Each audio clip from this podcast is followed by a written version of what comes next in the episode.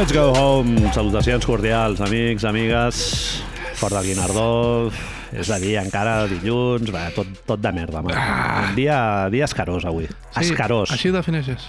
Dia escarós. As Ascarós. I et, et diré encara més. Cap de setmana escarós. Mira, pujo el Què dius ara? Com ha sigut això? Clar, mira, i em fa recordar-me del Perrete Mono, pobre, que també està passant... Li farem uns shoutouts, però no... Però que no es tatuï el membre... No només. Ha dit que es tatuaria... el- No, et pots, et pots cara no, estalviar sisplau, el no. tatuatge, no passa res, si ens veiem un, un altre dia serem tan amics.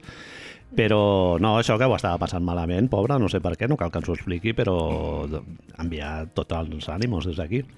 Consultori, una mica de... Consultori. Saludos al que lo está pasando mal.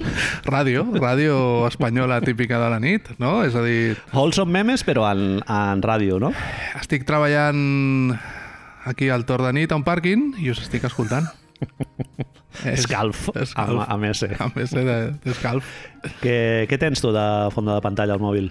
Què tinc jo de fons? A mi mateix no. Una mica incòmode, eh? El Tal. servi, servir d'escalf emocional, diguem. Però, una vegada tan verbalitzat això, mira, De glad fet- to be of service, no?, com es diu en anglès. Correcte. És a dir, la foto és maca.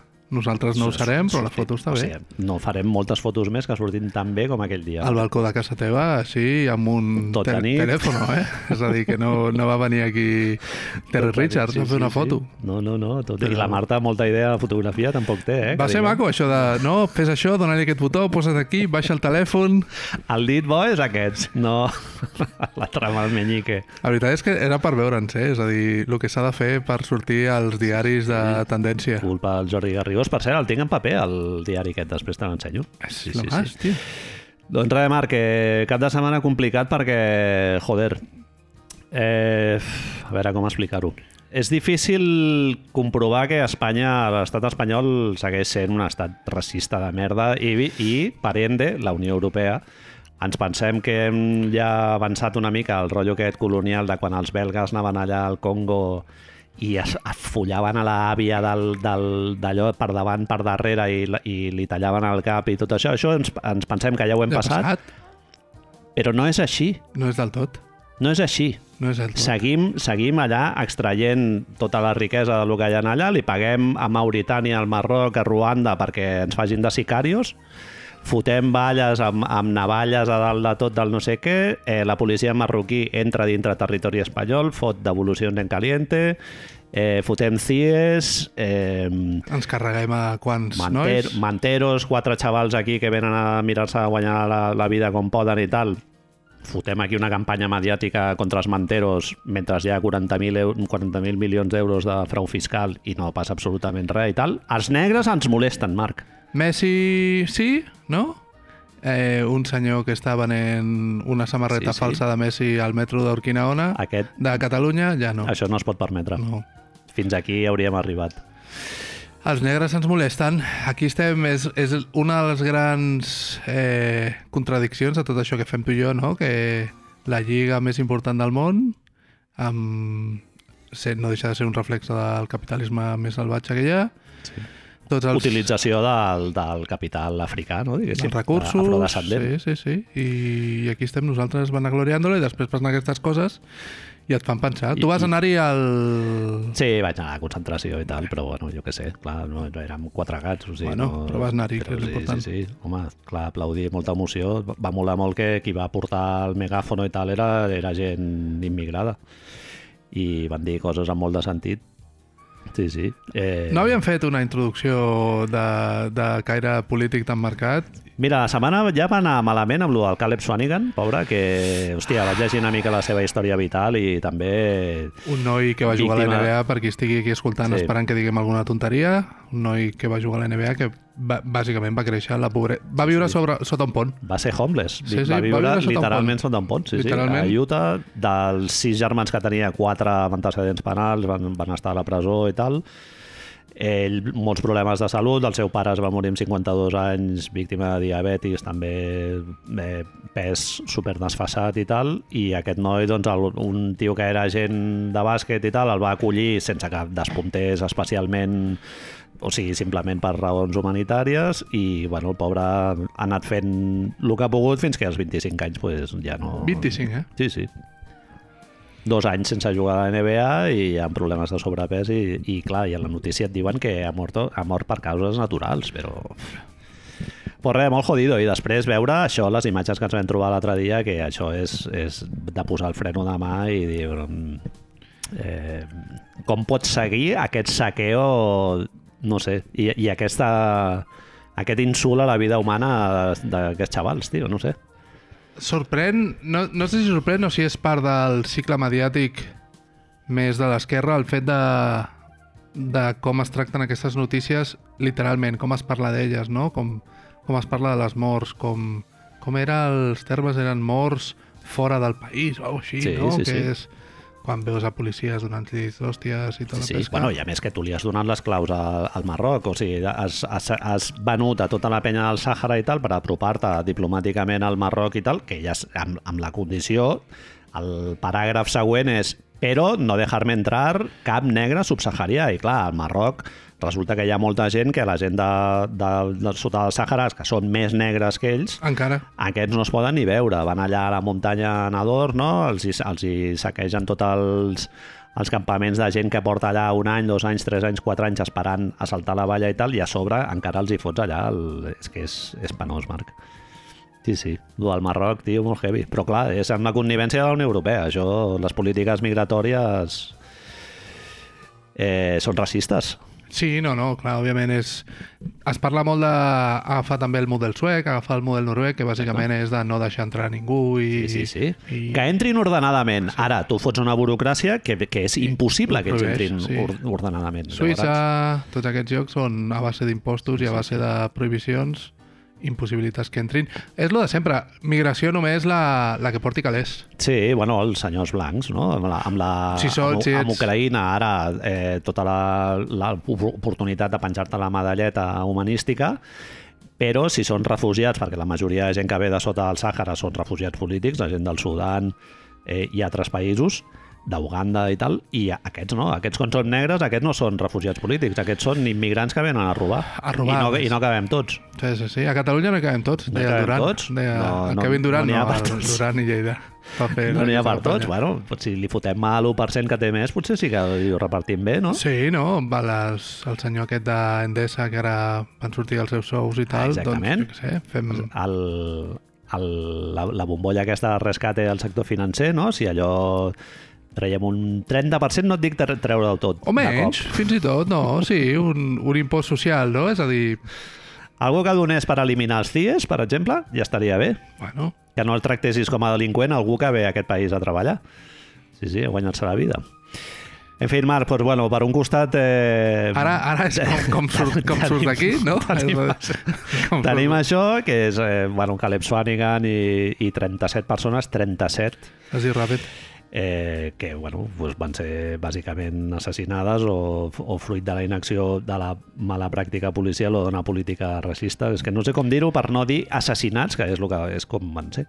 No deixa de ser, es junten totes les coses que saps que es junten en una situació normal, no? Mala praxi policial, mala praxi política i gent intentant entrar a Espanya per guanyar-se la vida, Sí, sí. doncs, bueno, pues, tens un combo perfecto allà. Doncs això a un costat i a l'altre costat del, de la moneda... Ara, o sigui, però de veritat, tens, com, com surts d'aquí? És a dir, tens la societat que et dona el pitjor, clar, Caleb Swanigan, pobre, amb les dos X i tal, i a l'altre costat, a l'altre costat tens eh, un vídeo que ens hem trobat avui, que, ens, que ens, curiosament ens el va posar el, el PRT PRT, PRT Mono, és el d'allò, però el, amb la roba és PRT PRT. t'imagines dir-te? Dir-te PRT... DNI. El cognom, no? Little Dog? Lil Dog? Lil Dog. Lil Dog és perfecte. Cute Lil trapero. Dog. Sí, sí. Eh, doncs un vídeo de Bleacher Report absolutament... Descriu-lo, sisplau, Marc. A veure, aquest seria... Vaig fent patata. quan, quan arriba a aquest punt del, del podcast és quan tu m'has sorprès que no m'hagis dit si això no és molt visual. No? És a dir, aquesta alarma nostra, aquest codi, aquest parpelleig quan et ve la policia a preguntar si ha passat alguna a casa i tu dius que no, quan en realitat t'estan cascant i hi ha uns assassins, tu saps que has de parpellejar perquè ells entenguin que, que tot està malament, és a dir, t'han de salvar. La policia que ha matat els senyors d'Àfrica a, a, a la frontera, amb la qual anem malament. Doncs ens hem trobat amb aquest vídeo que directament eh, abans d'entrar a la descripció, potser top 5... No sé si dir de sempre a internet, potser no. Senyor amb la camisa per dintre dels Tejanos, eh? No sé si ho has vist. És- Bigotet de, de, de, de temp. És impossible, de, és impossible que succeeixi sense Covid, el qual és una cosa que crec que li hauria de donar extra punts. És un vídeo on hi ha un senyor que és còmic, que fixa't com som, Manel, que no sabem com es diu. No, no, no. Eh, ho fica aquí, un moment, jo ho diré perquè ho fica en un link que tinc apuntat al guió. Un senyor que és còmic ha fet, he investigat una mica per poder explicar-ho així amb, amb una mica de cara i ull, Collons, Marc. es diu Frankie guió baix la pena amb dos Ns a, a Twitter i a Instagram, sobretot Instagram perquè Twitter no el fa servir des de fa força, i ell i els seus col·legues el que fan és fan com... És que es veu que és una, com una mena de, de happening, eh? Es fiquen en... fan com reunions de Zoom en penya i llavors ells fan, pues això, Un show. fan un show enmig del Zoom. Hi ha un vídeo que no és del que parlem, que fa referència una mica a aquell del que vam parlar del senyor que conduïa, Sí. on és ell anant amb bici, amb un croma per darrere, amb bici i tot, i el que ens ha trencat el cap absolutament és una reunió d'aquestes de Zoom on ell està eh, amb un croma de color verd rodó que li ocupa doncs, tota l'esquena, no? li sobresurt una mica, Com si enganx- estigués a una reunió Correcte, ho té comercial. al fons, ho té enganxat a la panxa, estic veient ara, i llavors porta...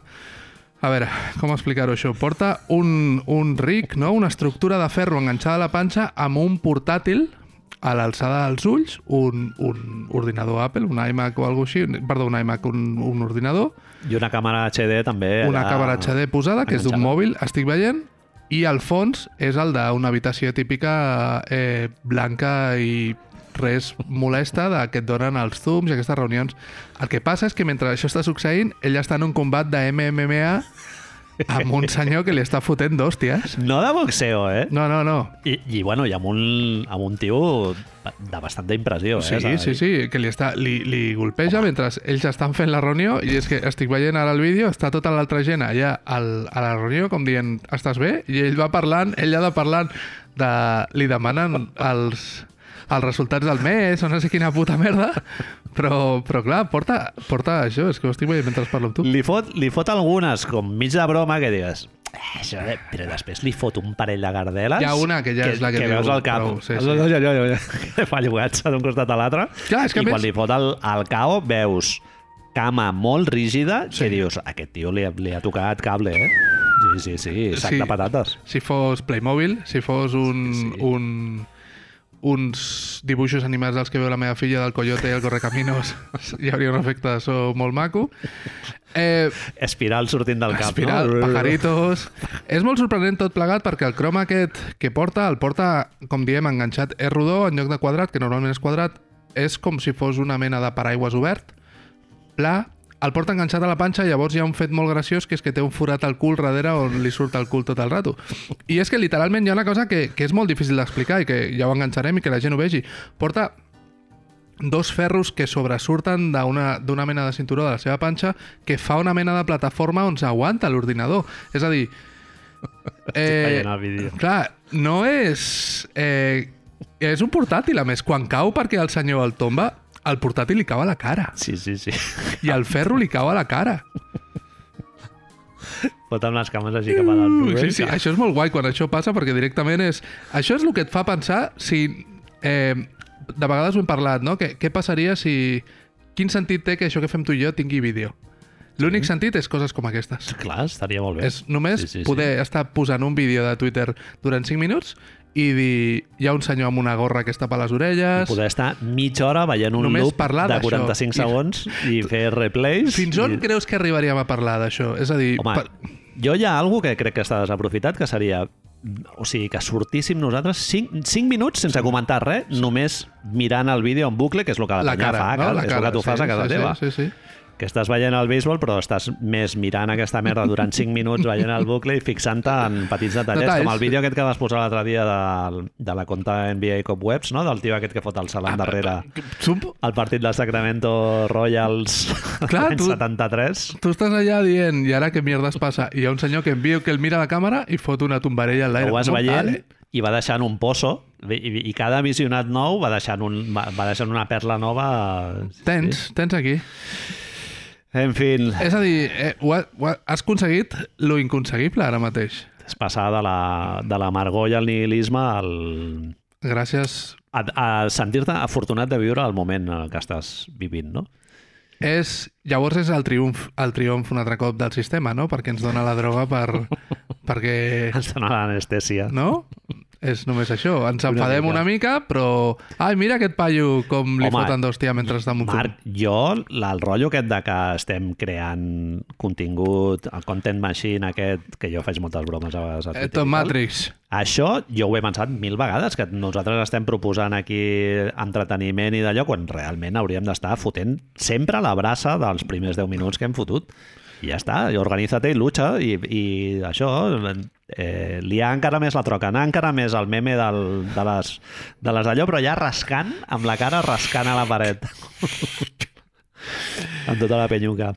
Bueno, Molt bé, ara ve la part de la NBA. molt bé.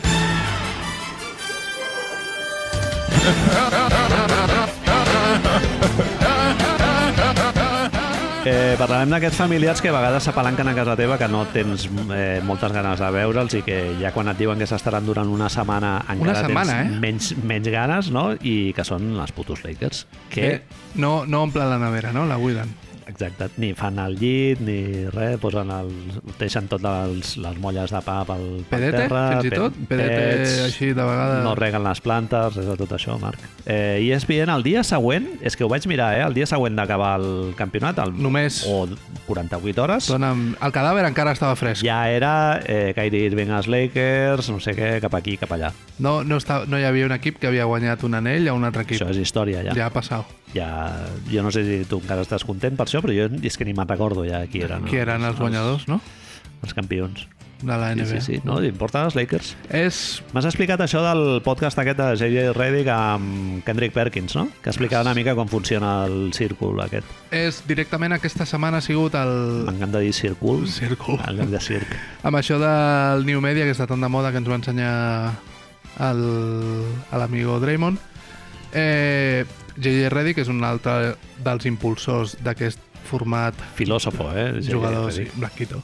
Jugador entrevistant jugadors o exjugadors. Entrevista el seu company a, a tots els shows de ESPN, Kendrick Perkins, exjugador dels Celtics i els Oklahoma City Thunders, entre d'altres. New Orleans també va jugar, em sembla. Buah, això ja no me'n recordo. Eh, I directament parlen de, bueno, de tot això, de, del xiringuitismo, no? de com funciona el cercle mediàtic, no el cercle, perdó, el círcul, no hem dit? El circus mediàtic de, dels programes d'opinió NBA als Estats Units. Com directament Kendrick Perkins hi ha un moment on diu que, bueno, que li proposen una sèrie de temes i un d'ells és una bajanada, però si ell decideix dir la seva, està 10 minuts a la tele, 5 minuts a la tele, i llavors, bueno, doncs tens tota la repercussió mediàtica, els clips a internet, Clar, els dir que, retuits... que no és només que surtis a No, no, no, ESPN, no. sinó que La després maquinària. generes molt d'atracció a Twitter, tal, no sé què, no? I... Content machine que tu deies abans, Sí, sí, sí. generar contingut a saco. I ell, si ho penses fredament, a veure, no és la persona més elaborada de, de tot, però a la gent li cauen gràcia, és un senyor molt gran, és físicament imposa, i suposo que això fa que, que, que bueno, que... I té, I té fama de tenir la hot take fàcil, no? És o sigui, de ser un tio sí. molt No- controvertit, no? I amb opinions així com molt... Eh, opinionated, no? O sigui, com molt, opinions molt sòlides, diguem. No sé si nosaltres... Aquí, aquí òbviament, no passa això. Artau Pasqual no podria sortir aquí. Shoutouts. Però fa la sensació de que molts dels programes aquests només em ve al cap un parell de casos, tres, si tiro fort, com el Skip Bales, el Coward i el Nick Wright, de que la, la gran majoria de gent que posen a Hot Take, a hot takejar bàsicament és afroamericana. Sí, Que en certa manera és veritat. és com si el món de l'opinió desmesurada, el hot take, fos menys culto. Clar, fos més passional, més tal... Bueno, el, els No és de pallassos, Bonaventura, no? exacto. Pallassos de la Sí. tele. Sí, sí, sí. sí I I, l'anàlisi més, més sofisticat i més de X i O's, això és gent blanca, Zaglov. que en saben més. Tens allà al costat Zaglov, Sí, sí, sí, sempre sí. fas una mena d'equilibris, Kendrick Perkins ha de fer, ha de dir que els Lakers guanyaran i Zaglov s'ha de molestar molt perquè diu que les estadístiques de no sé què, no sé quantos. I dona la casualitat que un ex, és exjugador i negre i l'altre és no jugador i de col·le de Sí, pago. sí. Richard Jefferson va una mica per aquí, també. Rich- Està entrant una mica en aquest Sí, rotllo, no? sí, Richard Jefferson té una cosa que la melanina està més a prop de, de, És veritat, no és molt fos. d'un jugador, d'un senyor de Bonaventura que d'un exjugador. Cert. Sí, sí, sí. I el tenen allà com d'equilibri, també, Richard Jefferson, és veritat. Sí, sí.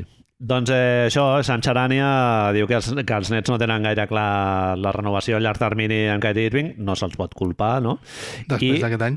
es diu que l'opció proposada voldrien incloure clàusules per la quantitat de partits jugats, que dius, mm, han mirat els números dels tres últims anys, no? I han dit, potser podríem posar una clàusula per no picar-nos els dits, que per molts diners que tinguis ja ho sai, no? Que ja sabem que no és problema, igual no li fa gràcia. No li fa gràcia deixar calés. És molt curiós com funciona el cicle mediàtic d'això, perquè a res...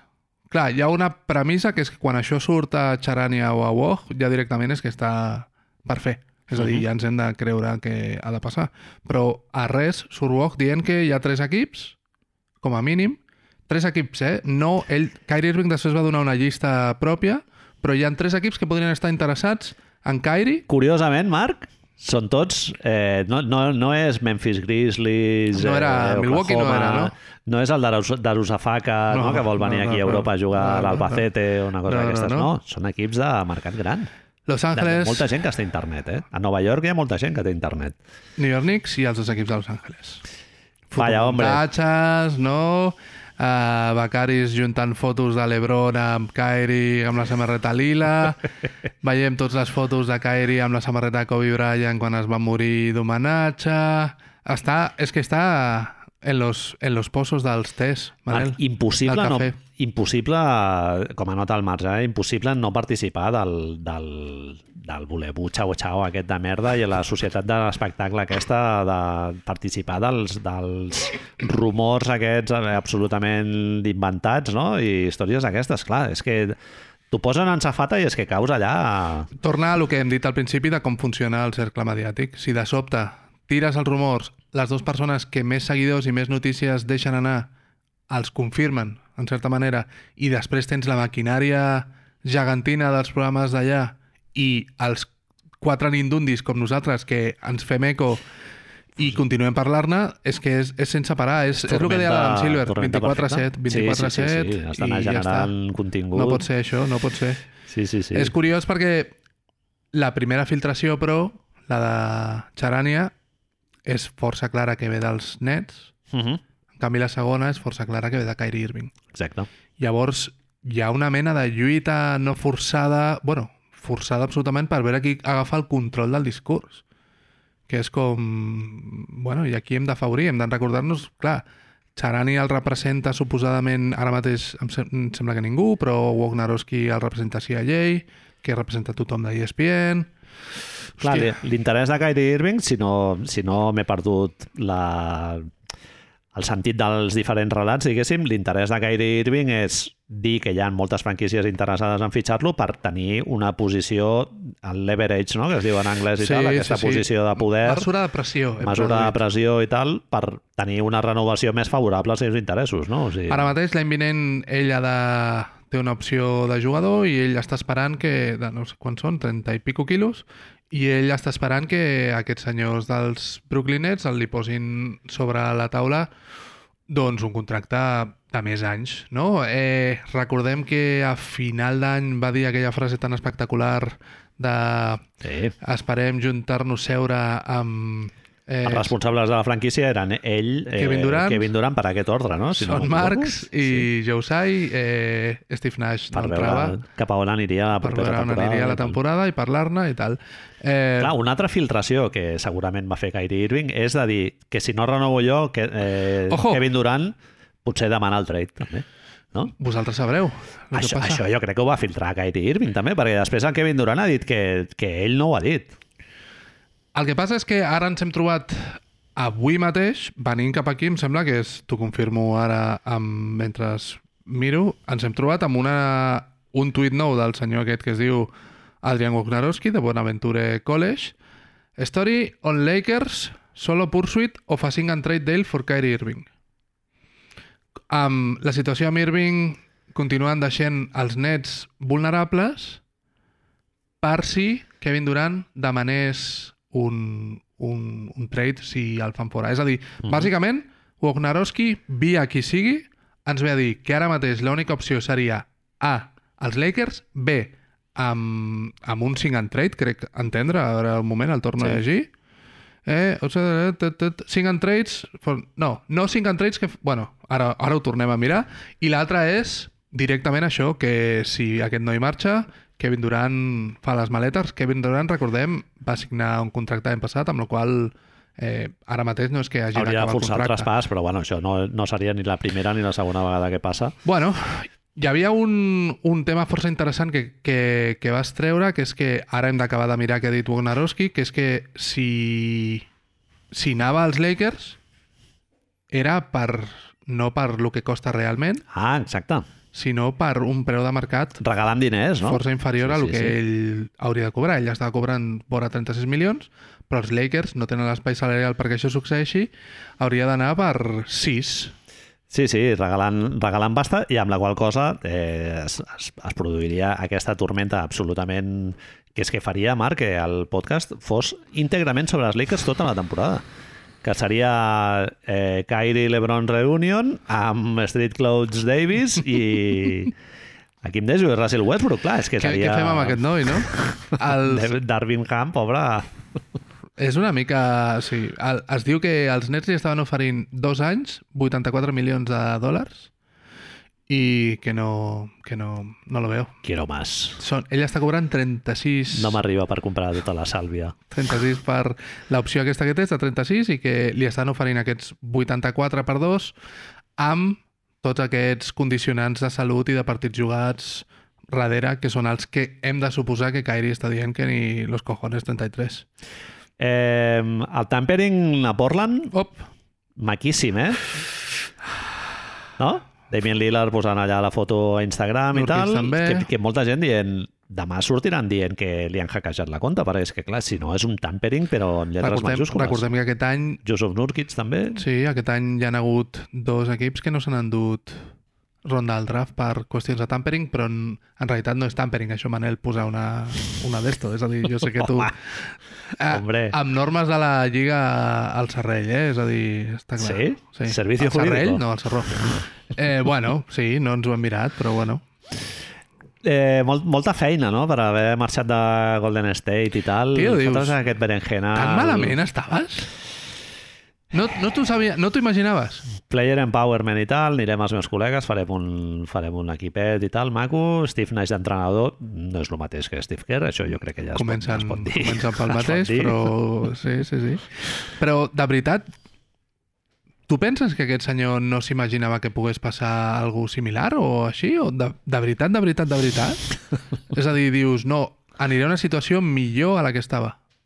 Sí, sí. És difícil, no? Sí, sí. I, i bueno, després un altre jugador que potser s'està empenedint bastant és Ben Simmons, no? Que com, com els altres dos marxin Bueno, i es quedi ell allà amb Nick Claxton i si no Bruce juga? Brown. I ja està. Sí, sí, El sí. problema, si el problema és aquest, la situació que tenen ara mateix, els Nets tenen una situació on tenen tres jugadors, els tres millors jugadors no juguen gairebé. Kevin Durant sí, vale.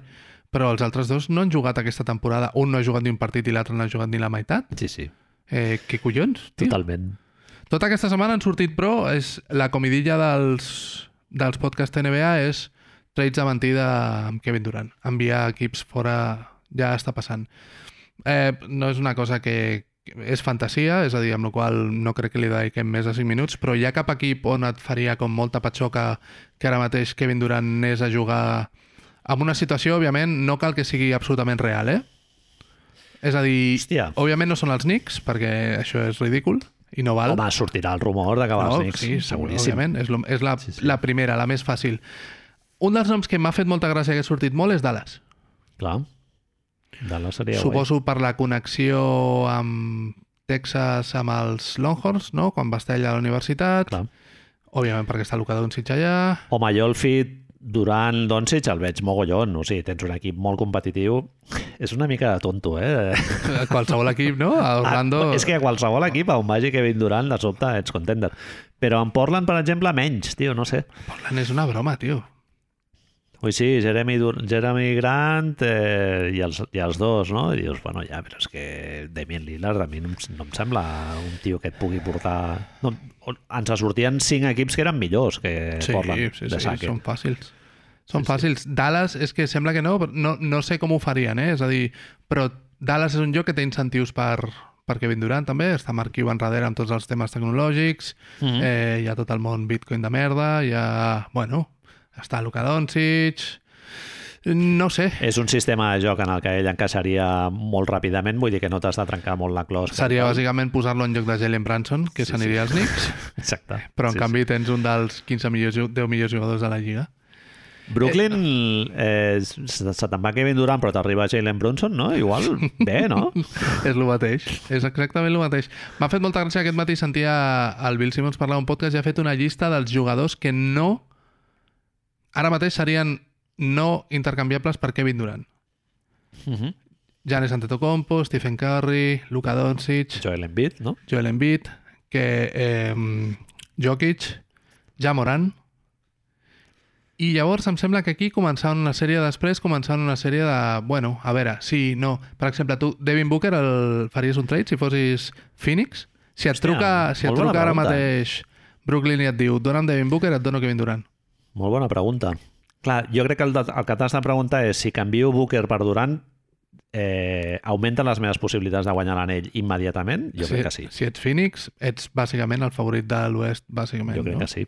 culo Sí, gordo sí, sí. ell i llavors s'han de quedar a Ayton, han de pagar el que sigui per Ayton. Però és això, Brooklyn et diu és teu si em dones Devin Booker. Sí, sí. Sabem que tots aquests que hem dit abans estem d'acord, no? Per Janis no el canviaria, Milwaukee diu no, eh, Sí, ens Stephen sortit Curry diu no. cinc, no? El de Jamoran me l'he pensat una mica. És un dels que ha fet, No? també, és un dels que ha creat polèmica. La pregunta és la mateixa. Eh, Memphis amb Kevin Durant i amb l'equip que té és millor que amb Jamoran? Sí, jo crec que sí. Sí, no? Clar, és que aquí el tema és que el Jamoran és el més jove de tots aquests que hem dit, no? I, i, és, i és el que té més diferència d'edat. O sigui, la finestra d'un i Sí, de sí, l'altre sí. és molt diferent, no? I això potser et pesa, també. Has de fer, bàsicament, és el jugador més seguit de tota la lliga de menors de 25 anys, és el favorit, després de Curry, LeBron, tots aquests, ell és el favorit, i tens un altre pro, que és l'opció que és l'opció Lakers i l'opció Raptors, és a dir, tu guanyes un anell i després fots peste X anys. El que va fer Miami amb el Shaquille, no? També, sí, sí, Et, apretes... et garantitza que Kevin Durant que, que guanyis un anell? No. Eh, si juntes Memphis com està ara amb Kevin Durant, ets el millor equip de l'Oest? Bueno, segurament. El que passa que, Marc, hi ha una cosa també amb el Ficció, Kevin Durant. que eh? al final- Ficció. Sí, no, no, no, no supositori, Sí. tot, el- barret supositori. Barret supositori, quina forma més maca té aquesta. que Kevin Durant, tio, ara canviant una altra vegada de bus, no? Sí, per, per sí, utilitzar la sí, imatge sí. de Charles Barkley i tal. Sí. El deixa Una molt mica malament. Sí, sí, el, molt- legado ja una mica empastifat. Saps, saps els, els apunts aquests que ja et plovia, se t'arrugaven, et quedaven allà al fons de la bossa i el treies i miraves de, de xafar una mica, però Enciclopèdia a no... sobre... Tot, la, tota la tinta radiador. correguda, tot, tot, exacte, tot. No. Una mica seria aquest legado, no? Eh, és que no li queda no li queda gaire cosa a fer. Clar, per, torno, per això és el que em fa tornar a lo de, a lo de Golden State, que dius, noi, vols dir que tan malament estaves a Golden State, que vale, que Home. super a favor de, eh, de que Sí. tot canviés, perquè si no haguéssim tingut... Segurament se'n penedirà, el que passa que és barret toro passadista Sí, de, de, sí, de tota la vida. callar, s'ha de O sigui, callar, no pot dir, passat, no a clar. dir. Sí, sí. I, però bueno, sí que és veritat que a Brooklyn no s'ho passa gaire bé, eh, pobre? Perquè amb els col·legues no ha pogut jugar molt. No he pogut jugar. Sí, sí. M'ha fet pensar això... De, no, perdona, Marc, no sé si de 200 i pico partits han coincidit 50 o 60, eh? Era ridícul.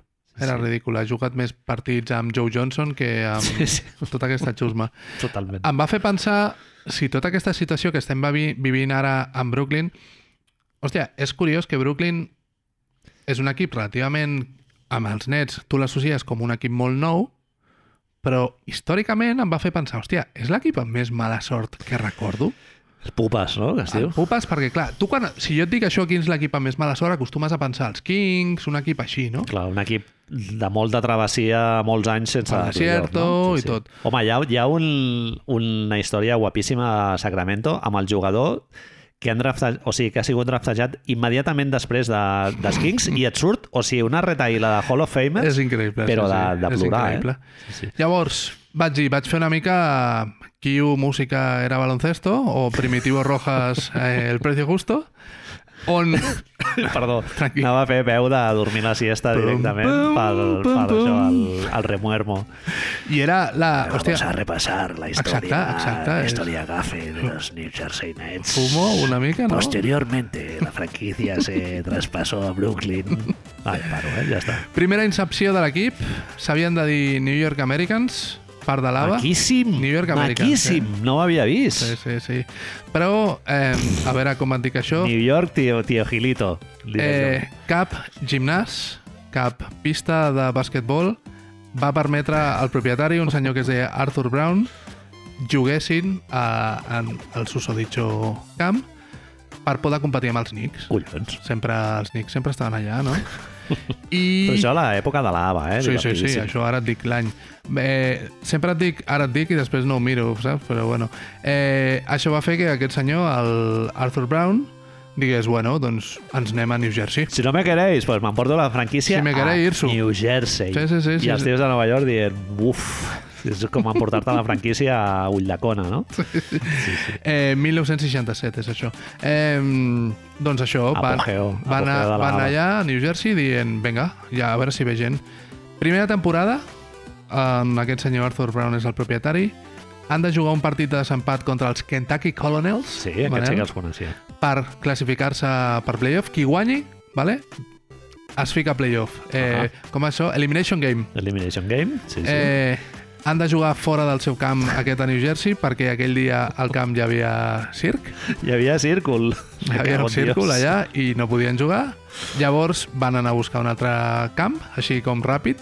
Corre, niño, ves a buscar los campos, no? I el que van a trobar, els àrbitres van dir que no estava en condicions, segurament era un patatal, tot això abans eren camps, que deien varios, pista de ciment. i van perdre el partit, només perquè el, aquell mateix dia eh, hi havia Well. uns ossos fent malabars a... Hòstia, com m'és molat viure aquesta època de la NBA que, que, no era, que no hi havia tant de brillo, brillo com ara, ni, ni tanta fanfàrria. Era tot més com nosaltres. Sí, sí, gent... Tu i jo podíem... Ara estaríem jugant a la NBA? Clar, sí, sí. Estaríem... Jugant, eh? Sí. No dirigint. No, no, no. Jugant. Est- Estaríem decidint... Tindríem minuts. Bueno, home, Full estadístic no seria bandeja de donetes. per Hi favor, algú, va. 1967. Sí. Tu? Bueno, Jo crec sí. que surts als llibres d'història ara mateix. Se- Segurament. És a dir, Sí. per sobre de Bill Russell. Diguem-ho així, no? Fent un blackface, no? Allà. Llavors, 1969, continuem amb el remuermo. Eh, es diuen New York Nets, Es cuando la franquicia ya pasó a denominarse New York Nets. un senyor que es diu Lee Walsindor Jr., conegut com Karim Abdul-Jabbar, ha de decidir si va a la NBA o va a la ABA. Bucks, a un costat Milwaukee, que són una mica més gran que Santa Coloma de Gramenet, Sí. i a l'altre New York, eh? New York. No només això, sinó que els, els Milwaukees li paguen, quan són, un milió coma quatre de- d'això de, contracte, els New York Nets li oferien el doble, directament. Dios. Però Karim, el subnormal dels, dels Bucks va trucar abans i Karim com és, tio, es va comprometre. No, és que le he dado mi palabra. Li diu així en castellà també. Eh, Lee Waltendor, eh, nascut a Nova York, eh? Recordem. le he dado mi palabra, que dius, Sí, a veure, Palabra. jo què pues sé. se la quites. Pues vas a Això casa... el, el Rudi Fernández, això ho sap perfectament. La paraula és una que es pot donar i es pot treure. No, No sé si has vist avui, Manel, també ens ha dit, no sé, Arnau crec que es diu el noi, eh, que Sergi Llull, Sergio Sí? Llull, veu aigua dins d'una llauna de Red Bull. eh, Quina moguda, no? Home, Sortir... Solant de cabres en una llauna Red Bull, clar, clar, tio. Clar, I el trainer de dir, hòstia, que no m'oblidi la llauna buida de Red Bull per després poder-la reomplir i haver de fer el paripé de posar-te a esquenes que no et vegi ningú. Dios. però la, la meva pregunta és, Quan li deuen pagar, tio? és la mateixa llauna sempre? Perquè ha de saber a Red Bull l'aigua, no, llavors? Amb les lletres ja descolorides. Clar, tio, i ficar una llauna pel foradet, ficar l'aigua, no cau, no I, i regalima. la, la tiren pel desaigüe? Claro. el contingut? És això el que em pregunto. Guarden una llauna o cada dia obren una llauna, I la- li passen una, una aigua, una llauna, li passen aigüeta, clar, algú es veu un... Li no. donen a l'Hortel, està allà al, al banquillo. Veu tu, tu, que tu no, com no jugaràs. Eh, eh, eh. Molt bé, doncs Liu Alcindor eh, dijo que no a la Dijo franquicia no. de los Nets. No sabia això, Marc. Tenen un moment com de... Tot, tot passa, dius, hòstia, això de la mala sort, a veure si ho solucionen d'alguna manera. Guanyen dos títols de lava, juga Rick Barry, juga Julius Erving, equip d'aquests que dius històric de lava. Home, Glòria. Els Nets, eh, l'ABA, bàsicament l'associació American Basketball Association, la lliga, per qui no sàpiga que estava abans de la NBA, no? hi havia moltes lligues professionals a la vegada als Estats Units, doncs la NBA bàsicament li obliga a, a com es diu això, a, a l'obliga a Integrar-se, no? fusionar-se, Mhm. sí, perquè si no s'anaven com de negoci. Un moment en el que cap de les dues lligues tenia una preponderància en el món dels esports professionals molt gran, eh? I de fet, hi ha el dubte, podríem dir si l'entrada de l'ABA a la NBA salva una mica la Sí, NBA, segur. perquè venen els mates, venen els triples, venen el All-Star, ve el concurs de mates, venen jugadors com Julius Erving, Rick Barry... O sigui, la NBA aprofita moltes coses que van fer Fan- sí, a l'ABA sí. amb, Sí, sí. amb molt bon ull pel màrqueting, no? Correcte. Mhm. Eh, l'ABA hi havia més jugadors i afroamericans que a la NBA, llavors, bueno... Més cocaïna, no? Podríem dir. Podríem dir-ho. Podríem dir-ho. Llavors, la, els nets entren a la NBA, però quan, quan fem això que diu, quan la NBA absorbeix l'ABA, fot una multa als quatre equips que s'integren. Són els Spurs, Sí, sí. els Nuggets, Pacers? els Nets i els Pacers. Els altres desapareixen i els quatre equips que entren han de pagar 2,3 milions de dòlars de l'època, eh, que bàsicament és Xifres de, de riure molt Sí, sí. fort, eh? contracte de, jo què sé, jugador a l'Evin B de la penya, no? Home, de que puja. El que cobra John Wall en 10 minuts. Sí, sí, sí. sí vale que fa molts anys, però, hòstia, Correcte. I els Knicks, els Nets, van haver de pagar-li una multa extra de gairebé 5 milions de dòlars per inversió de, mar i no, invasió de mercat. mare de Déu, senyor. Invasió de mercat. El que passa és que amb aquests gairebé 7 milions que de sobte han de pagar els Nets per tenir el seu futur garantitzat, han de vendre's els jugadors, venen Julius Erving als Sixers per 2,3 milions i els Knicks van decidir no pagar aquests calés i tenir Julius Erving. Ah, vaya, hombre. És a dir, els Nets li diuen als Knicks si et pago la meitat, et quedes Julius Erving. I els Knicks van dir no. Però no estem parlant de l'època de mala, de mala estrugança dels... Diguem, diguem ja, que, ja que puguem, no? Petit incís, no? Sí, sí, sí. Eh, arriben als 90, 1993, Moment tràgic. Drazen Petrovic mor a una carretera d'Alemanya. Després de dos anys de jugar molt bé, quan venia a Portland en el No que jugava tan- tan bé. Rica Delman no havia, No li no li deixaven havia fet gaire segons. cas. Samarreta d'aquella destenyida, foto amb Del Curry i Stephen Curry, màgia a les pistes de NBA, bàsicament. Sí, rumors de que havia de ser All-Star, fotent 20 punts per partit. Es, Sí, fot, sí. es fot una hòstia amb cotxe i no hi ha més Drazen Petrovic. El que era el president de l'època, John Spolstra, que no sé si té a veure amb l'Spolstra no, nostre estimat, eh, parla de l'època dels 90 post-Petrovic, on estan jugadors com Derrick Coleman i Kenny Anderson. Diu, eh, ho, diem en anglès perquè no... L'equip estava ple de convictes i, i criminals. Un any vam tenir sis tios en la presó. Això és real, Marc? No, el que mola és la puntualització, no? Diu, no tots, no tots junts. Això havia, hauria requerit una mica de treball d'equip. No? Boníssim.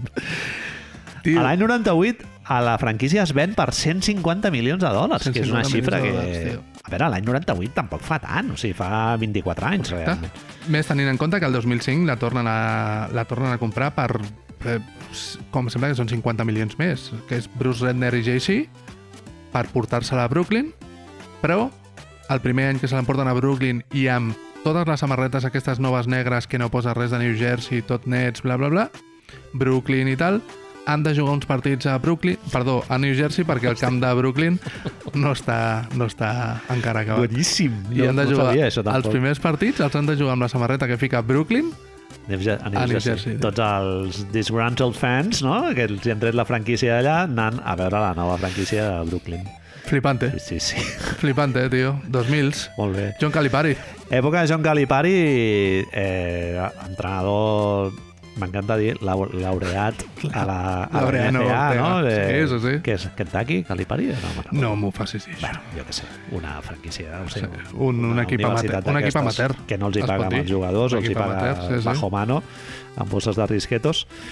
Doncs resulta que aquell any eh, New Jersey no tenia elecció ni a primera ni a segona ronda, que és algo que quan una franquícia s'esforça molt eh, li pot passar, que no tinguis elecció ni a primera ni a segona, i Calipari i els seus huevazos gordos resulta que estaven de vacances, no, no es van quedar a la draft night i tal, Per què? i els tios de la front office que es van a quedar al, al mando i tal, es veu que van avançant la nit i no rebien trucades eh, per proposar moviments. Bueno, sempre hi ha aquesta opció de et venc una segona ronda, Ah, aquest sí, sí. jugador i tal. Sí, sí, tu pots proposar uns, uns jugadors o tal, no sé què. I resulta que se'n van adonar de que el, el telèfon havia estat desconnectat tota la nit, Marc. Això ho explica Bobby Marks, que ara és analista d'ESPN, que era d'allà, tio. Increïble anècdota, eh? Sí. Està- No tenien fax Bueno, a te- l'època del Calipari. És el que dèiem, no tenien els zapatòfonos Clar, mòbils un aquests que mòbil. sortien a Miami Vice i a l'equip A. Algú que vingui amb un telegrama. Telegrama urgente! Telegrama urgente! No tenien un noi dels recados que va Ah. pels equips preguntant, escolta, què fem? Amb la motico, No? amunt i avall. Fem una pizza. No pot ser... Clar, és... Ara Estàs és, molt a prop de Caucasus, que és, és Nova Jersey, no? És la NBA. ara és quan surt el boomer que portem dins, no? I com es feia abans que hi hagués WOG, no? Això, com es feia abans, això? Sí. Oink. Sabia enviar Paloma Mensajera... Sí. I, bueno, i a la mateixa època també ens vam trobar una història absolutament meravellosa. Any 2003, un titular maquíssim dels amics de NBC Sports que diu Kyle Korver once traded for Summer League expenses and a copy machine. Bàsicament. Increïble, eh? O sigui, Kyle Korver va ser número 51 del draft, Marc. El van canviar per 125.000 dòlars americans. Un jugador que, si no ha arribat a ser Hall of Famer, ha sigut pel cantó d'un duro i, bueno... Una eh, persona, un dels tiradors més importants de la, De la història, història, moderna, de la història de la joc, història, sí, si sí. vols. Totalment. I el canvien per 125.000 dòlars, tio, l'any 2003, eh? fa menys de 20 anys. 125.000 dòlars. Eh, Rod Thorne era el, el general manager i resulta que tots els jugadors que havien apuntat a la pissarra i tal ja havien sigut draftejats i van dir, pues pillarem aquest. I el van, van pillar un tal Kyle Korver i els hi van fer una oferta en 125.000 dòlars i van pagar l'equip de Summer League, imagina't com era la Summer League en aquella època, i amb, amb la pasta que els hi va sobrar es van, cobrar, es van comprar una fotocopiadora. Què dius? No podries comprar una altra cosa, Rot? Jo què sé. Ens fa falta una fotocopiadora. Paga'ns un sopar, compra'ns un iPad a tots, Un tio. iPad, jo què No? sé, bambes... Un, algo per, per la gent, puja'ns el sou. No, no, El suport aquest per posar el Gatorade, no? La Gatoradera. aquesta. necessitem una fotocopiadora, nois. Que diu el, el Carlos d'IT, diu Sí, que sí, no, sí, que sí. no ens va bé. General Manager, tot... tot Que els eh, cartutxos tot val molt caros. Any 2019 arriba un dels personatges favorits teus i meus, i me'n recordo que a l'època vam ca- intercanviar mils d'emails respecte a la figura de Prokhorov, un dels dueños més foscos de, de la història de, Sí. de la NBA, segurament. Sí, sí, Mafiós, amb totes les lletres. Sí. Segur que ha assassinat algú amb les seves mans. sí. És probable. I Allegedly, el... allegedly, segur, Allegedly, però sempre. allegedly. Més que res, que el tema ara no està molt d'esto, això és Cero dudas. ¿no? Com es diu? No, no hay confirmación, però cero dudas. Zero dudes. I els Nets van fer el trade aquest amb els Celtics, trade famós de, que Boston va juntar 450.000 pics, i Brooklyn de sobte té un, un àlbum de cromos important amb Kevin Garnett, Jason Terry, Paul Pierce i amb Deron Williams i Joe Johnson que ja estaven, ja estaven a la franquícia. Però no els hi va funcionar. No va sortir gaire bé, Marc. No va no, funcionar. no sé quantes presències a playoff va tenir aquest equip, però... Van, hipotecar, van hipotecar-se el futur fins, no sé, no? que van estar gairebé 10 anys. No gairebé 10, però una barbaritat. Bueno, gent que deia que, que la lliga ja estava, ja estava feta. O sigui, que, Això passa? que, Continua fent, que Manel? Ja era en ell. Ja està. Eren ells. Que els hi donguessin el Tanquem. banner ja, no? Ja està. Perquè hem de jugar 72 Repa- partits, va. Repartim ja els 82. anells i fora. Sí, sí. Eh, això, mítica anècdota del, del dueño dels Celtics, el Robert Kraft, eh? o sigui, no el Danny Ainge. El, el Danny Ainge li deia al dueño i el dueño deia, demana'ls una ronda més. Mira, Digue'ls-hi. I el Danny Ainge vol dir, home, que ja es notarà una mica i tal. Tu demana'ls. Demana. I els hi va treure tres més, eh? de la que oferien en principi. Això és el típic calentón d'en Proco, no? Que diu... És, Qui són els bons? Què se debe? Aquests. Sí, sí, aquests. Botafumeiro. Florentino, Sí, sí, sí. totalment. Arriba Kevin Durant, quan, quan sembla que tot aquest món procorofismo s'ha d'acabar, arriba però lesionat. 2020, 2019, 2020, es lesiona amb les finals amb els Raptors, es queda un any sense jugar, està Kyrie Irving ja por ahí, i llavors quan arriben aquests dos, Arriba Kevin Durant cobrant... Un, o sigui, el contracte amb el que arriba és la renovació que li fan a Golden State, si no m'equivoco, que són com 5... No sé si són 40 i pico, o sigui, és una absoluta diria que no barbaritat. arriba tant, però no és, no és els, les bogeries d'avui dia, però en el seu moment era d'aquells absurdos. Sí, sí. I, es, part, es perdia el primer any sencer, Sencer. i el següent... A veure com ho fem. Sí, sí. De fet, vam considerar si era un dels pitjors contractes nosaltres aquí. Sí, sí. Jo, jo vaig quedava. dir que pels Knicks no el volia, el que vaig Sí, dir. sí, I mi- mira perquè- que m'encanta, eh? Perquè es tractava, em sembla que sí, era una cosa com el que tu dius, eren com 140 milions i el primer era de gratis. Sí, sí. Era bàsicament el, el mateix que Clay Thompson. Sí, sí. Jo allà tot, tot ho fes dient, no, no, no, és que jo no el vull, el Kevin Durant dient, sí, sí. però Hòstia, no, clar. Ah, vale, Manel, vale, no, merci. Joder, que jo queria ir. Amb aquesta arribada, com diem, una altra cosa que és mala sort, potser per tu i per mi, mor, moren els, els nets de Kenny Atkinson, eh, Tetillas Dudley i els Bailecitos. Eh, es, cau, es cau un mite per nosaltres, perquè ara en teoria han de ser bons i tota la pesca, però bueno, Dels cinc moments més importants de la, del, del transcurs de la franquícia Brooklyn és eh, primera- Tetillas Dudley colpejant el, el parquet obrint els braços i fent dient, les palmes "Vinga, i dient-li Ben Simmons, vine. Vinga, ven pa acá, Sí, sí, ven sí. pa acá, tio. Això, Allò, això, no és, vale. això és que és el mateix amb Orlando. DJ Agustín ha d'estar a la samarreta retirada. Tant, DJ tant i Agustín. tant, clar. O sigui, és highlight del, de la, del transcurs de la franquícia. Sí, Surten de tota aquesta merda de Prokhorov, fan fora els nets de Bailecito, eh, tenim dos dels millors 10 jugadors 15 de- de la Lliga, i com si no haguessin après res, decideixen anar a per James Harden, tres primeres rondes, quatre intercanvis de rondes, eh, no sé quins jugadors deixen d'anar a pariar, eh, bueno, no ens hem enterat de res, i vull dir, al revés, no hem après res, saps? Sí, sí. Hem fet tot això, Ara s'està veient que potser per Harden van posar una mica massa. una miqueta massa, no? És la mateixa any Manel, el Ens van tenim, animar una mica. el tenim molt fresc a la memòria. Kyrie Irving decideix no jugar la meitat dels partits per, perquè no es vacuna, fan l'intercanvi amb Ben Simmons i després pues, no sale bien també. I ens trobem que aquest any pot ser perfectament que tot això, tot, des d'Arthur Brown amb un cercle causístic perfecte, Kevin Durant i Kyrie Irving hagin de marxar de l'equip. Sí, sí, sí. The Jinx is alive. És que no és, de veritat. Que algú que ens escolti i sigui d'un altre equip ens digui si hi ha un equip amb més mala sort que aquest. Home, Sacramento estaria ahí, ahí, no? Però bueno, van tenir una època que no, és que no l'ha tingut ni New Jersey ni Brooklyn.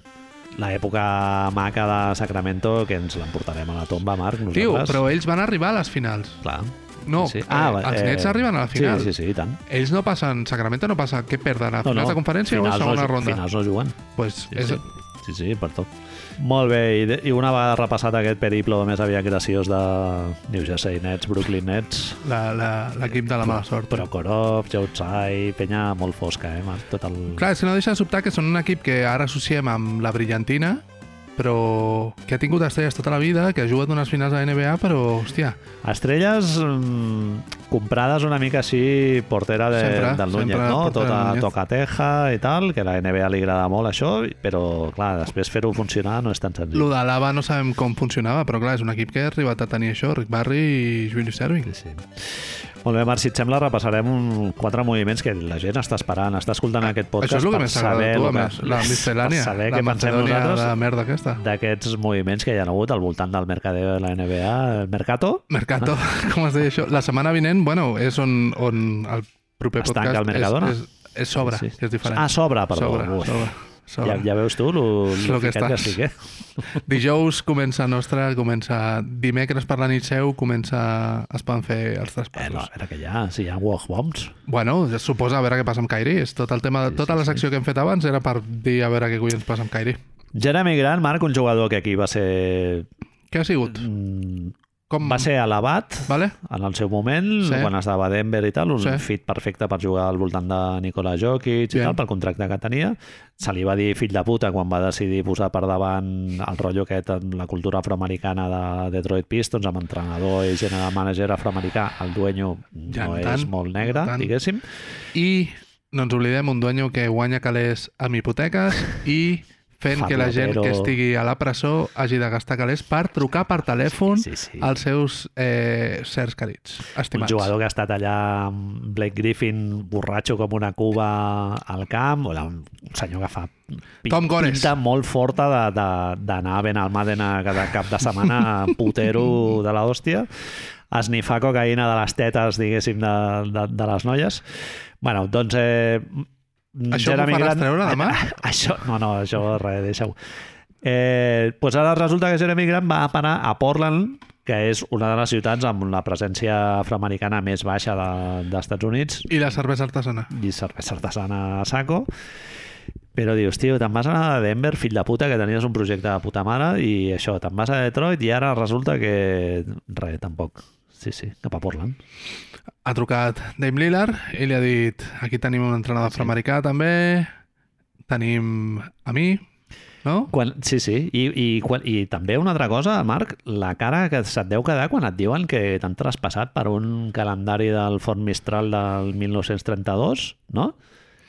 Una primera ronda condicionada del 4 en endavant al 2025 dels Bucks. Que, Dels Bucks? Sí, sí, que ja la van canviar, més. Ja es es van desfer d'ella Detroit. Sí, bàsicament és treure't de sobre un salari. El tema és que Portland era els pocs equips que podia pillar tot el salari sense donar res a canvi, Mhm. perquè tenia una excepció salarial eh, no me'n recordo molt gran de, de CJ McCollum Sí. i llavors bàsicament Portland agafava el salari sencer de Jeremy Grant, donava la ronda a canvi i aquí no ha passat nada. Sí, sí. 21 milions era l'excepció que tenia per fer servir per això, per absorbir Tant- Jeremy Grant. També en el moviment estan ficats els Knicks, no? que van fer també, van moure diversos posteriorment, i tal. Per... posteriorment hi ha, aquest, hi ha aquesta cosa estranya perquè tothom pensa quan això succeeix, la lectura ràpida i fàcil que fas és Detroit està fent per fent espai per agafar DeAndre Ayton. Però després ells han draftejat un tio... Eh, Jalen molt- Duren. Jalen Duren i tal, és, és un pic 15, 16, no, no és el, l'agafen amb el 13 si no vaig errat. Puc anar errat perfectament. Sí, sí, però vull I- dir que no és una ronda, no és una ronda baix, o sigui, no és un pic No, no, no, baix no. de primera ronda, No, no, vull no. dir que aquest tio l'han pillat per, per jugar... Bueno, hi ha un altre moviment que és més clar encara, que és que agafant aquest pic que ve de Nova York, aquesta ronda, és que és molt liós tot això, perquè clar, eh, s'enduen una ronda de Milwaukee, després ve Nova York i a Detroit canvia aquesta ronda per el 13, crec que és d'aquest any, i que Detroit assumeixi el sou de Kemba Walker Kemba Walker. es quedi Kemba Walker allà, òbviament segurament serà un tallat. Llavors, en dos dies passem de Detroit està anant a per DeAndre Ayton i de sobte veus un equip amb Kate Cunningham, eh, Jalen Avey o qui poguessin haver agafat DeAndre Ayton, Sadiq Bey, etc i dius, hòstia, encara, encara riurem i tot, encara serà divertit això i no, s'han quedat aquest noi, que hi ha gent que diu que és molt bo i hi ha gent que diu que no és molt bo. Hi ha, una, ha passat una cosa, Manel, aquest draft, que eh, no en parlarem perquè no ho hem posat, però es pot ser ara sortir d'una forma ràpida. Han sortit molt beneficiats els jugadors tipus Robert Williams III. Sí. Uh, senyors que suposadament defensen bé, són grans, corren... Això ho he llegit també, el, el draft de la defensa, no? Han dit? Sí, sí. És un model que no creiem... Acostuma a passar això. Acostuma a passar de, que hi ha viatge de proximitat i que tu veus... Vols agafar el que acabes de veure que ha funcionat. Però Marc, jo ho llegeixo com que potser és un draft justet de Justet, no? bueno, de que no, no sé. mucho i diuen, ah, els xavals s'esforcen. Han sortit força jugadors d'aquest tipus, també, que dius, Mark Williams de Duke, també, dius, hòstia, nen, però aquesta gent, tan a dalt, un pivot Sí, sí. que el que fa és córrer, fotre taps, el tenim de tenir abans. Bueno, ha sigut molt raro, bàsicament, perquè sí, sí. ha sigut d'aquests moviments que dius, com deixa Portland tot això? És el que dèiem sí. abans, ara Portland continua Bueno, sembla que... Bueno, gent, molta gent ha valorat molt positivament el moviment del Jeremy Grant i tal. Jo crec que és un tio que si no li afegeixes més talent al voltant, amb Jeremy Grant i Ha de ser el teu Damian segon Lillard, millor jugador? No te'n vas ni a la Vuelt de l'esquí. És que, especialment tenint present que a l'oest aquest any s'afegirà previsiblement Denver i Clippers. I no? a Los Ángeles Barquitos. Ah, llavors vol dir que l'embut serà encara una mica més, més fotut. I, I no comptem els Lakers, però bueno, els Lakers també pot ser que aquest any ho facin una mica millor que l'any passat. Messi va Kyrie Irving. Un equip on els teus tres millors jugadors són Damian Lillard, Jeremy Grant i Nurkic? O, Nurkic. no? Perquè Josh Hart és l'altre... Eh, és un equip de play-in? O Molt de rasquis. hi ha gent que va Sí, sí. dir en el seu moment que Damian Lillard era millor jugador que Stephen Curry? Cert. Fins i tot es va cert, dir. Cert. On es va dir això, que no me'n recordo No, ara? no cal, no. Algú amb barba, cabell així, no cal pelo whisky? invoquemos el mal tiempo. Eh, però això s'ha dit por ahí, així que ja està. Sí, sí, sí. Bueno, molta gent ho ha dit, eh? Jo, jo, sem jo sempre he rajat una mica del Damian Tu no has Lillard sigut molt, molt és Mai. veritat. No, mal. no, no, està a l'hemeroteca per qui la vulgui Sí, sí, sí. i el temps m'ha validat, Marc. És d'aquestes que dius... Pots dir... Aquestes takes m'agrada treure-les.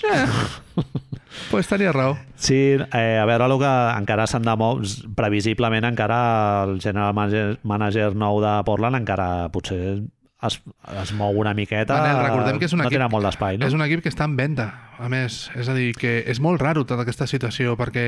Però Lillard al final se'l menjaran, llavors. O sigui, no... És que és el que, el que sobta, és a dir, quin és... Jo crec que la, la idea bàsicament és Portland és més venible amb Damian Lillard o sense Damian Lillard? És la situació que hem de valorar i no hi ha res més. Llavors, competir? No. No ho veig. És que ara mateix Minnesota és millor equip que Portland, no?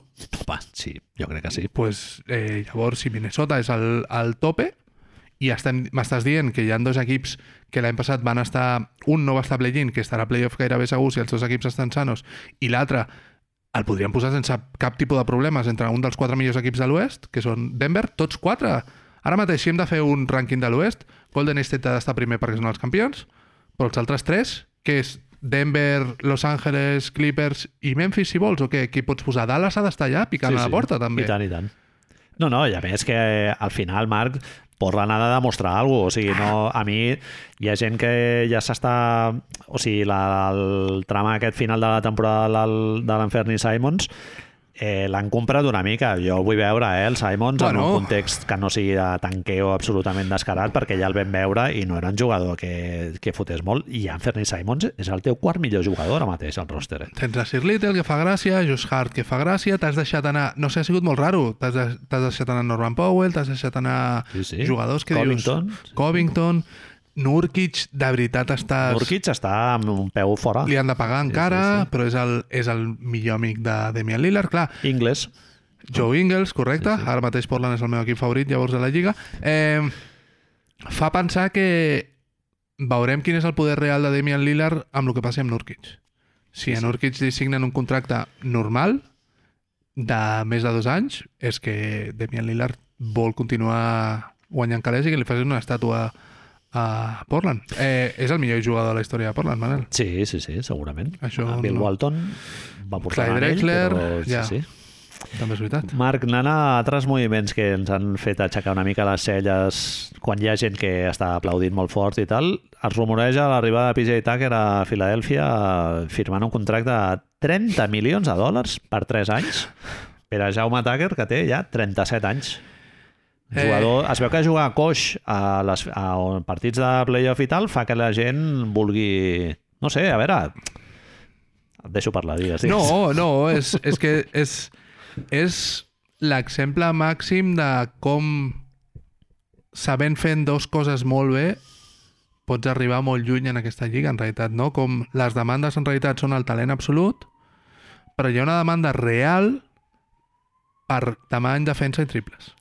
Però hi ha una de les dues coses que tu estàs referenciant que jo la poso una mica en entredit, eh?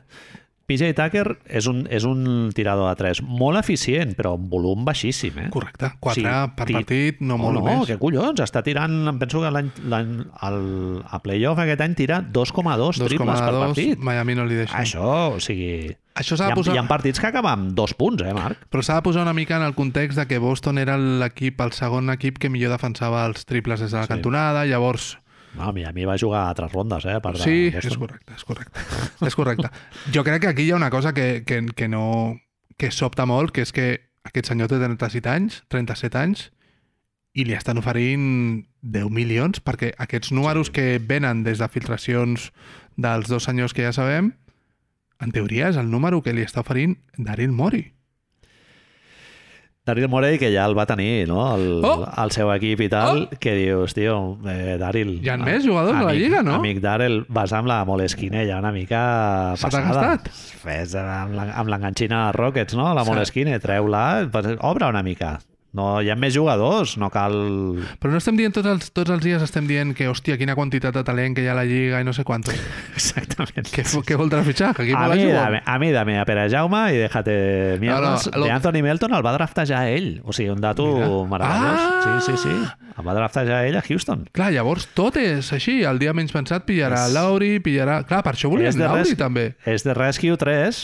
Sí, sí, Bueno, sí. aquí tenim. Lowry, Eric Gordon ha sonat Get també. the band together. Sí, sí, sí. Get the band together. Música de... Sí, sí. El de... Rolodex i dient, a veure, aquí vaig draftejar l'any 2018 d'Anthony Melton.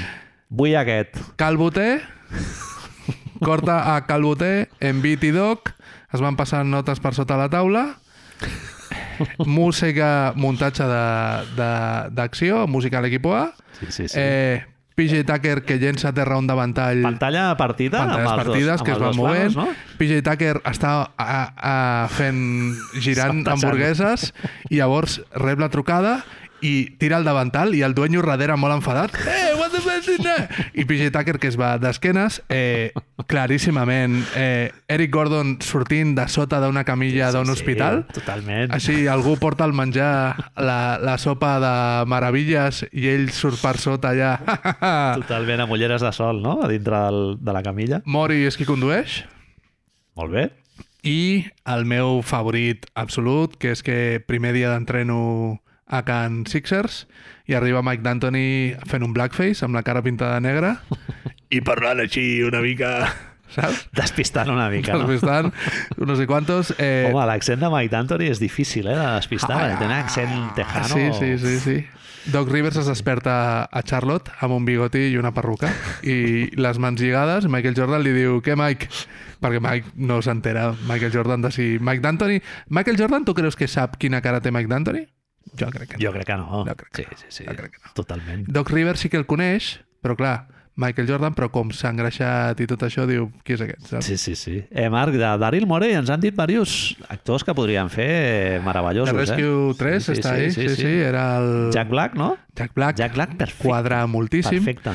Sí, Va sí. sortir ara, no me'n recordo com es diu, el noi aquest, el senyor aquest irlandès, noi, el senyor irlandès de uh, In Bruges, Sí, eh, el que no és el Colin Farrell, l'altre, Sí. és un senyor també molt d'esto. sí, sí. Jo vaig dir el Michael Stuhlbarg, però no, és que al costat de Jack Black... Eh, Bueno, el senyor que es va morir de, de Benito i companyia, no? Aquell, Ah, sí, sí, és el veritat, l'actor aquest espanyol que sortia Blanc en lloc a mujeres, d'espanyol. a mujeres al borde d'un ataque de nervios. Sí, sí. Bueno, eh, un altre jugador que també ha sigut notícia i que a The Ringer no et sortirà perquè el Kevin Pelton no té ni puta idea qui és eh, el millor jugador de l'Eurolliga dels últims 3 anys, és eh, Vasily Misic. També és perquè Kevin Pelton no, es- no treballa de Ringer. Ah, perdó. Però bueno, eh, no, no, tens Bueno, raó, no sortirà, sí. però ja te- entès. Però, Sí, però no sé, bueno, No sé qui, qui serien els de The Ringer i tal, però bueno, hòstia, m'ha... T'ha vingut, t'ha vingut, sí, sí, sí. vingut.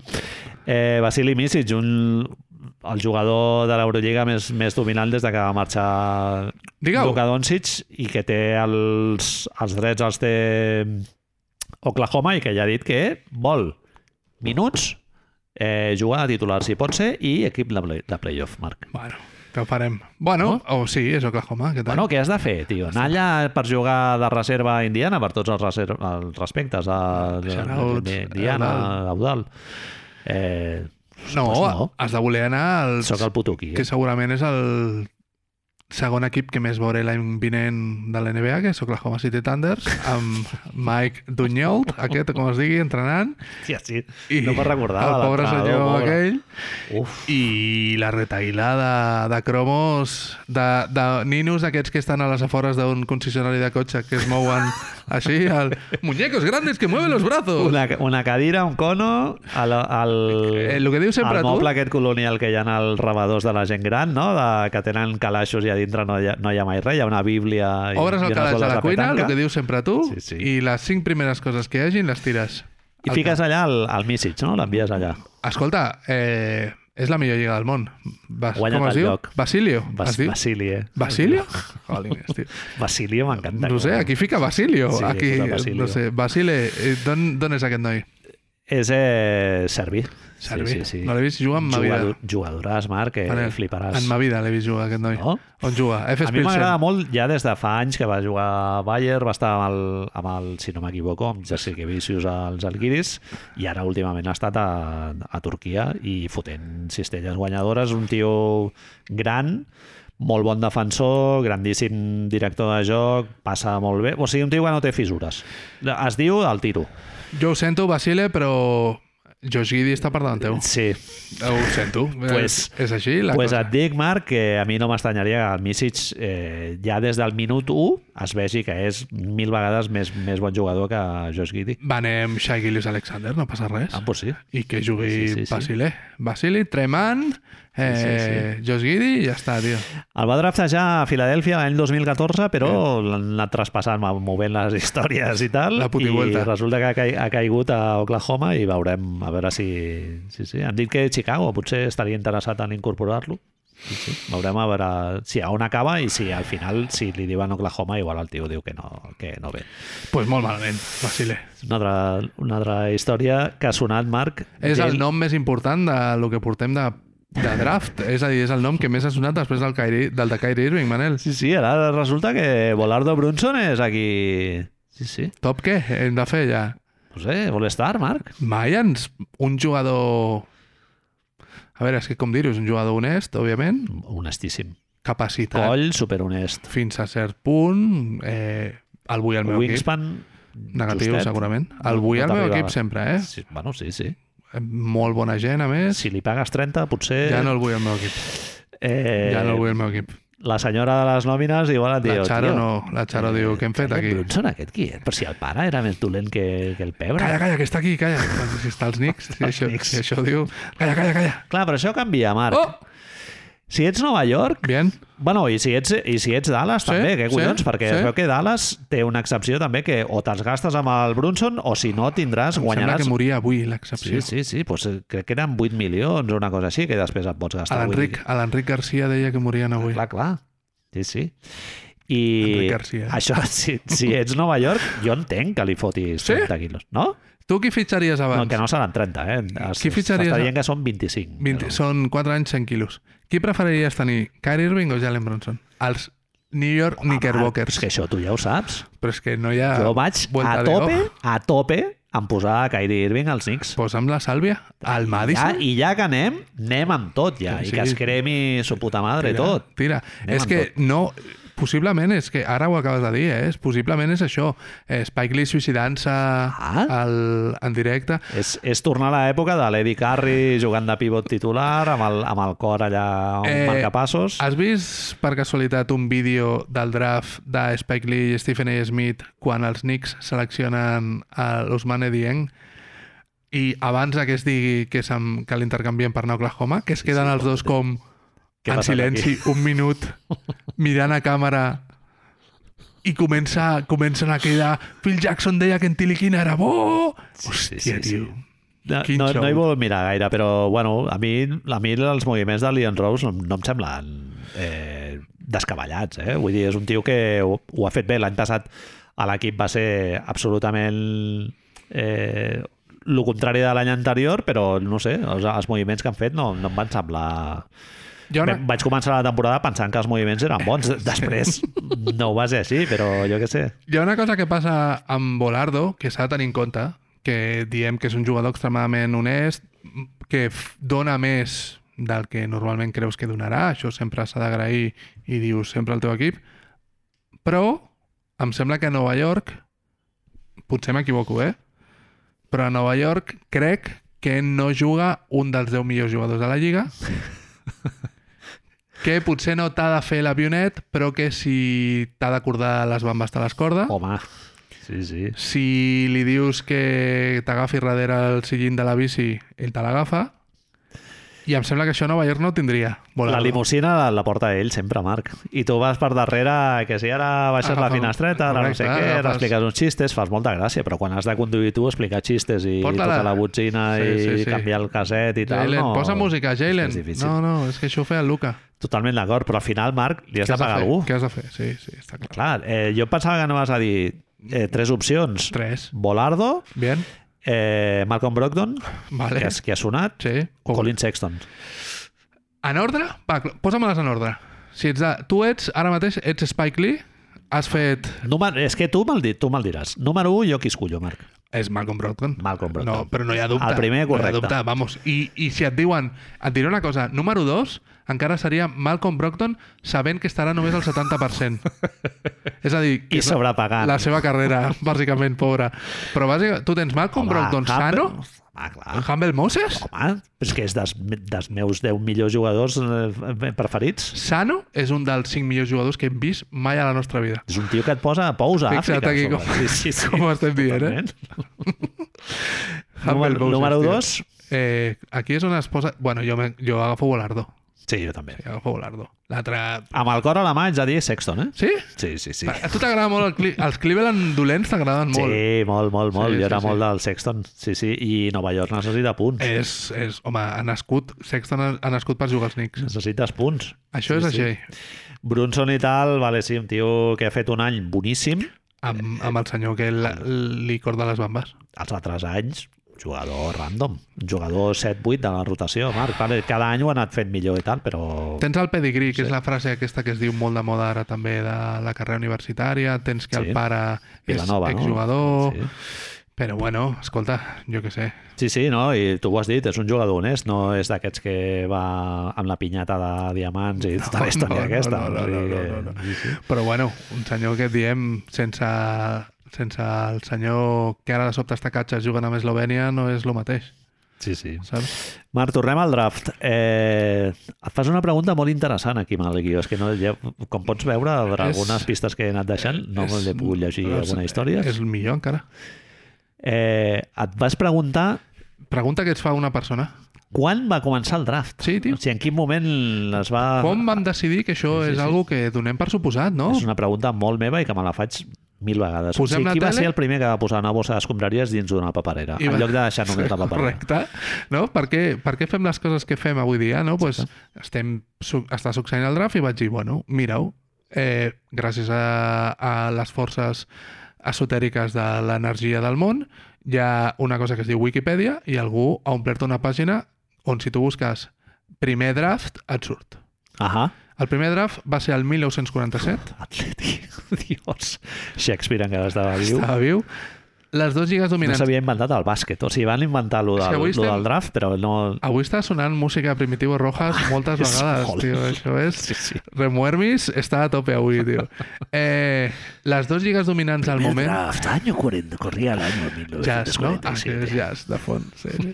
La BAA, Basketball American Association, i la NBL, és a dir... Hi havia equips com els New York Celtics, que jo això ho, ho vaig veure i, o sigui, se'm, o sigui, se'm va quedar el cap aixafat durant una setmana. New York Celtics. Veure Sí, sí, un sí. tio vestit amb una samarreta New York Celtics. Tremendo.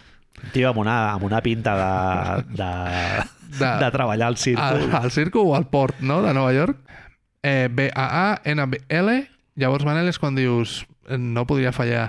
El draft es va inventar perquè les dues lligues volien posar-se d'acord per, a, per evitar una guerra de preus i així poder controlar i rebaixar els salaris dels jugadors universitaris que fitxaven. Vaya, hombre, era per mirar de pagar menys, no?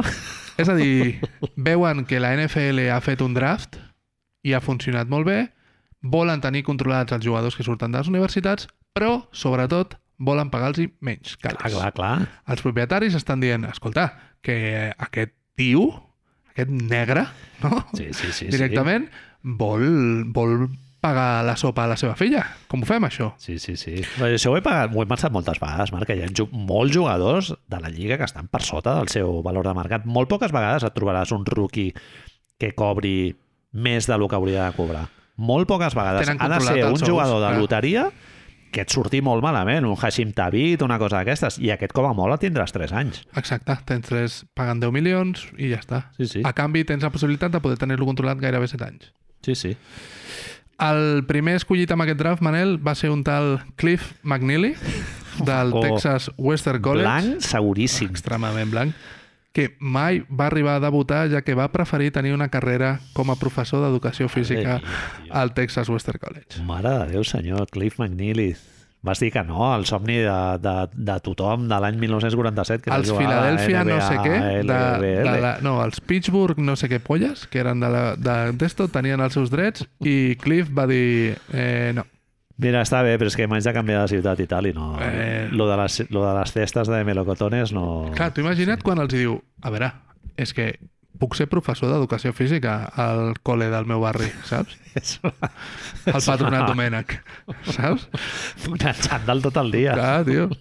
No, no, però que jugaràs, Igual- que guanyaràs calés. No, no, però què A l'any dius? 47 anava a dir que potser estaven molt reverenciats els profes d'educació física, però segurament molt menys que ara. Sí. No? No, Podies anar fumant tranquil·lament al gimnàs i ningú et deia res. Podies fotre mà als alumnes i maristes de Sants, no? Tampoc passava res. Shoutouts no als maristes de Sants. Molt Una bé, Marc. reflexió molt bona que em feies, Manel, eh, arrel del draft aquest. Aquestes coses que de sobte obrim les nostres eines de comunicació per internet i de Sí. sobte em dius, no has pensat que... I surt Sí. allà màgia. Mira, em va, em va posar l'espurna a l'Aníbal, tio, el, el Tito, que em va, va comentar que els xavals ara que feien, o sigui, que com que era com molt emotiu tot lo de les eleccions del draft, no? I que molts, molts jugadors eh, eh, feien escenes que semblaven tretes de la pel·lícula de Jerry Maguire quan el, draft, el draftegen i tenen tot el seu campamento allà i bueno, hem vist el David Roddy i el que ha sigut famós és el xaval aquest dels Bucks, no? El Bo- Beauchamp. No sé el. Margie Beauchamp, sí, que es va posar a plorar també quan el truca el Baden-Holzer. emoció, o sigui, obres les comportes i allà surt Ho deixes anar tot, ho tot, anar surt tot allà a saco, no? Baden-Holzer una mica incòmode en aquell moment, no? De, Totalment. eh, Ei, Bueno, yeah, got you, fam. no jugaràs ni un puto minut l'any vinent, però jo què sé, saps? Tu diràs, Budenholzer, el que traurà els rookies. Eh, doncs això per un costat, això que em comentava l'Aníbal, però per l'altre he estat mirant i hi ha molts jugadors del, del draft de, de, les, de les rondes, dos rondes, o sigui, a la nostra època hi havia vuit rondes, Marc. No, no sé quants en sortirien d'aquests, però en les dues rondes que hi ha de draft surten molts que són directament pel nom, ja saps que són fills de jugadors, en el cas de Scottie Pippen Jr., però hi ha molts que són fills d'exjugadors de, de NBA i de WNBA, no? I dels... El, el Jalen Ivey de, Jaden Ivey de, de Detroit. Sí, sí, i bueno, hi ha el, el Paolo Banquero, la, la seva mare també havia sigut, eh, no sé si havia estat a l'estaff dels Grizzlies o una cosa d'aquestes, el, el Holgren també, el seu pare també havia sigut jugador i tal, i em vaig trobar un, un fil de Twitter meravellós en el que un, un tio es queixava de que els jugadors ja no venen de les trinxeres Literalment. que dius, hòstia, potser és una mica massa grind, no? el és, tema. molt, és una descripció molt gràfica, Sí, sí, però és veritat. I, I llavors un tio recuperava aquest tuit i deia hem de parlar dels esports d'equip de formació. I allà la gent comença a deixar experiències dels de, dels seus fills amb les lligues aquestes de formació i els diners que... O sigui, la inversió monetària que significa que el teu fill jugui a una lliga de merda i, hòstia, surten coses És- molt interessants. Crec que és important dir, però, Manel, que nosaltres segurament els hi diem lligues de formació des de la perspectiva europeista dels Justos de Gràcia contra el, la Samboyana. Bueno, Però allà és una altra fe- moguda. No, aquí seria federació, no? Correcte. O sigui, Nosaltres clar. tenim aquest concepte que però allà és directament és un negoci ja pur i Sí, dur sí. on ho patrocina tot Nike, Adidas, Under Armour i el que es tracta és que tu accedeixis a aquest circuit per formar part del circuit d'avaluadors i a partir d'aquí que el teu nom comenci a sortir a YouTube, Sí, sí, Overtime, etc. i llavors pugis a ESPN a l'accés de, Sí, dels sí. jugadors de high school més... Clar, tal com jo ho veig, Marc, o sigui, és que els pares fan... Bueno, i, i és que es veu claríssimament en casos de... Aquí amb el futbol també passa, no? Que els pares fan una inversió amb el, amb el fill. O sigui, ells inverteixen en una educació esportiva, en una formació esportiva del seu fill, no? entrenadors personals, entrenadors físics, tal, no sé què, perquè aquest nano ja entri a high school, no ja a universitaris, per suposat, sinó que entri a high school amb un nom fet. I molta gent en el fil aquest comenta que, que amb 10 o 12 anys tu ja has de ser un jugador eh, fet i has d'haver jugat a diferents parts del país, que això, o sigui, és un... O sigui, et posa ja un requisit d'estatus econòmic, Econòmic. molt, molt gran. Sí. A més, hem no hem d'oblidar que dins d'aquesta estructura és bàsquet amateur als Estats Units, amb la qual no està permès que hi hagin... Eh, Clar, patrocinis així a la descarada, no? Clar. etc. Sí, sí, tot sí. és sotobotxe, tot és per l'Ubahini, i de sobte, quan veus jugadors de 10 anys amb tota l'equipació Under Armour i 50.000 seguidors a Instagram, doncs bueno, s'entén una mica. Sí, sí, no, són jugadors, que, o sigui, nanos que generen molts ingressos, però tampoc no poden tenir una sponsorització Correcte. eh, professionalitzada amb, amb un àmbit professional Sí, no pot pròpiament sortir un dit, anunci, no? O perquè sigui, si no, no poden... Exacte. Si, si, per exemple, qualsevol jugador és el que li va passar en Scanter, precisament, qualsevol jugador que hagi tingut un contracte professional abans a l'edat de, de ser escollit per la universitat, no pot jugar a la universitat. Clar. Llavors, Sí, sí. Ricky Rubio, no? que aquí era professional correcte, amb, correcte. amb 15 anys i tal. doncs, 16, 15, ja no? Aquí no, no podia anar ell a college. Clar, això m'ha fet pensar que abans a la NBA eh, jugadors que començaven a jugar quan anaven a l'institut, o sigui, això no era, no era estrany. O sigui, tios que descobrien que els agradava molt el bàsquet a l'institut. Ara això mm, Amb sis és, anys has de és molt saber difícil. O fer- sigui, ara hi ha nanos que ja han d'haver escollit que el bàsquet és eh, l'ocupació a la que es dedicaran en cos i ànima ja als 8, 9, 10 anys. Una mica el que li va passar al, al nostre amic eh, Cliff McNeely, no? Que l'escollen als Pittsburgh no sé quantos i diu... Eh, Sí, sí, sí. eh. Hi ha, el, hi ha un concepte que, que també em va volar al cap que es diu travel ball, que és que els nanos han d'estar disposats a, a travel ball, que és jugar a diferents parts del país, en plan puti vuelta, no? deixar-te veure, tal no sé què, i anar a diferents campus de, de Nike, que es veu que, Marc, el preu eh, et donen una samarreta i el menjar va a banda, o sigui, no hi ha samarreta bambes, i tal samarreta bambes i prou. samarreta Bambes i l'honor de jugar al campus de Nike, que correcte. tots els scouters de, dels high schools i tal, i la penya paga 475 dòlars a la setmana per tenir els nanos allà jugant una setmana al, al campus, tio. Hi ha el cas de Jonathan Kuminga, que el jugador d'ara dels Warriors, que amb 16 anys crec que són, marxa del Congo per anar a fer la putivuelta que tu li dius a diferents prep schools, no instituts, sinó aquestes escoles de preparació d'Estats Units Uh -huh. per únicament mostrar-se al mercat i canvia, em sembla que Jonathan Kuminga canvia un mínim de 3, tres cops de- d'institut, el que nosaltres coneixem com institut, que en realitat són prep schools d'aquestes, eh? escoles de preparació, és la traducció, eh, on l'esport és el principal. Sí, sí. Jo no vull saber com és l'educació... Eh, a l'Espau, Jonathan Kuminga, no, no el veig. Secundari. No el veig. No el veig. secundari, sí, sí. Al final és una mica lo del el- la imatge aquesta de l'esclavisme, no? de mirar-li les dents al, als esclaus i tal, i este vale, tal, no sé què, però amb nanos de 12, 13, 14 anys. És Clar, això. És, que, És això. Sí, sí. En el cas del Cominga, pues, suposo que era el tema del, de la seva condició atlètica, no? purament... Clar, però és un noi que ve d'Àfrica amb 16 anys, sense... Vull dir, al Congo, no sé si hi ha molta gent al Congo que et pugui ensenyar a jugar a bàsquet, segurament. Correcte. No? Correcte. Vull dir, la gent deu intentar jugar a bàsquet i, i deu haver afició i tal, però no hi deu haver unes lligues de formació... Ara estan fent la com NBA, aquí- com la NBA sí que Espanya o- està posant calés i tot perquè surtin, però clar, estem incipient. És un, em sembla que sí que va anar a un campus d'aquests de l'Envit i tot de l'NBA sense fronteres, però clar, després és que és el que diem, després se'n va amb 16 anys a, a viure a Brooklyn a un institut, tio, Sí, d'aquests, que dius, sense apenes parlar anglès, eh? Sí, sí, sí. Llavors anem veient com la professionalització es va avançant cada vegada més, no? O sigui, primer el que era, estava més professionalitzat era la, la lliga professional pròpiament dita, que és la, La NBA? NBA, o la NBLBA, el que fos. Que d'allò després ja era la NCA, també generava molts ingressos Per i tal. Lamborghini. Ja no era amateur, sinó que era algú, una estructura corporativa absolutament que va la olla. I ara ja és el circuit de la A1, no? O sigui, les lligues aquestes Amateur, de formació de, i, i totes les, les patxangues aquestes, no? Que, que ja la gent arriba allà superformada i amb una pressió de scouting de la hòstia, no?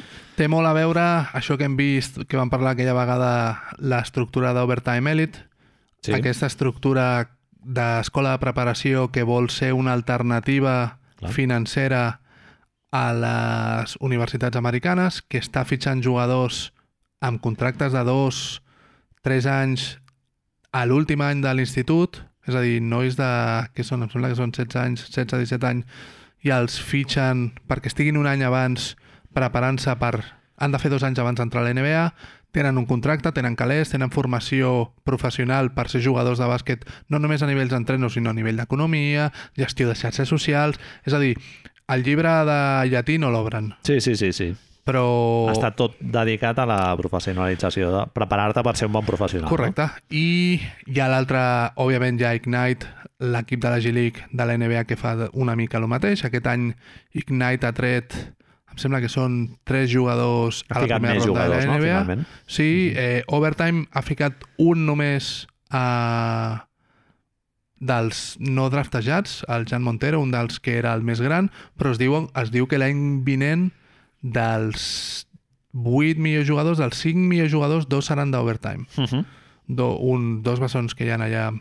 Clar, però hi ha gent que diu, he llegit gent que, que es dedica a l'escouting i tal, que diu que, que en el supòsit de que fotin dos en el, entre els cinc primers pics i tal, que fins a quin punt és mèrit de la formació que fa Overtime o que simplement van ser capaços gener- de generacional. adquirir aquell talent, no? I- I Correcte. que eren tios que No fora d'Overtime també vessin, es vessin ficat d'entre els Correcte. cinc primers. No ho sabrem si funciona o no funciona, Uh -huh. perquè directament són jugadors que, bueno, que a veure... El que passa és que tu agafes aquesta generació, agafes el talent, te'l quedes i és teu. El que passa és que sí que tots aquests models, el que deies tu, venen ja del circuit d'amateurisme preuniversitari on els calés ja són importants. Llavors hi ha tot aquest circuit d'alternatives a, a, a la universitat, que ara recordem que a la universitat també pots treure calés amb això del name, el NIL, que li diuen Name and Image Licensing, Mhm. això, que és els hi permet que els jugadors amb més seguidors d'Instagram o del que sigui puguin tenir contractes de publicitat, amb la qual pots tenir accés a calés, tot jugant a la universitat. Drew Timmy, de Gonzaga, l'excompany de, de Chet Holmgren, ha preferit quedar-se un any més a la universitat perquè anava a guanyar més calés a la universitat que a la NBA. Saps? Meravellós.